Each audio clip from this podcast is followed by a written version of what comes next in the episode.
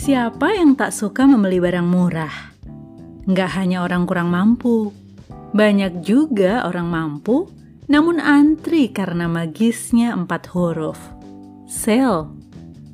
Namun patut diakui, sebagian barang yang murah itu dijual karena kualitasnya sudah menurun.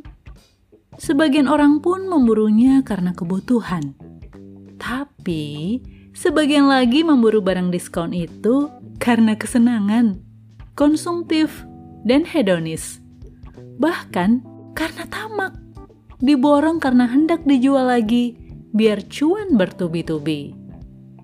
Manusia dewasa perlu bersikap cukup, tidak terperdaya oleh apa pun, termasuk keinginannya sendiri.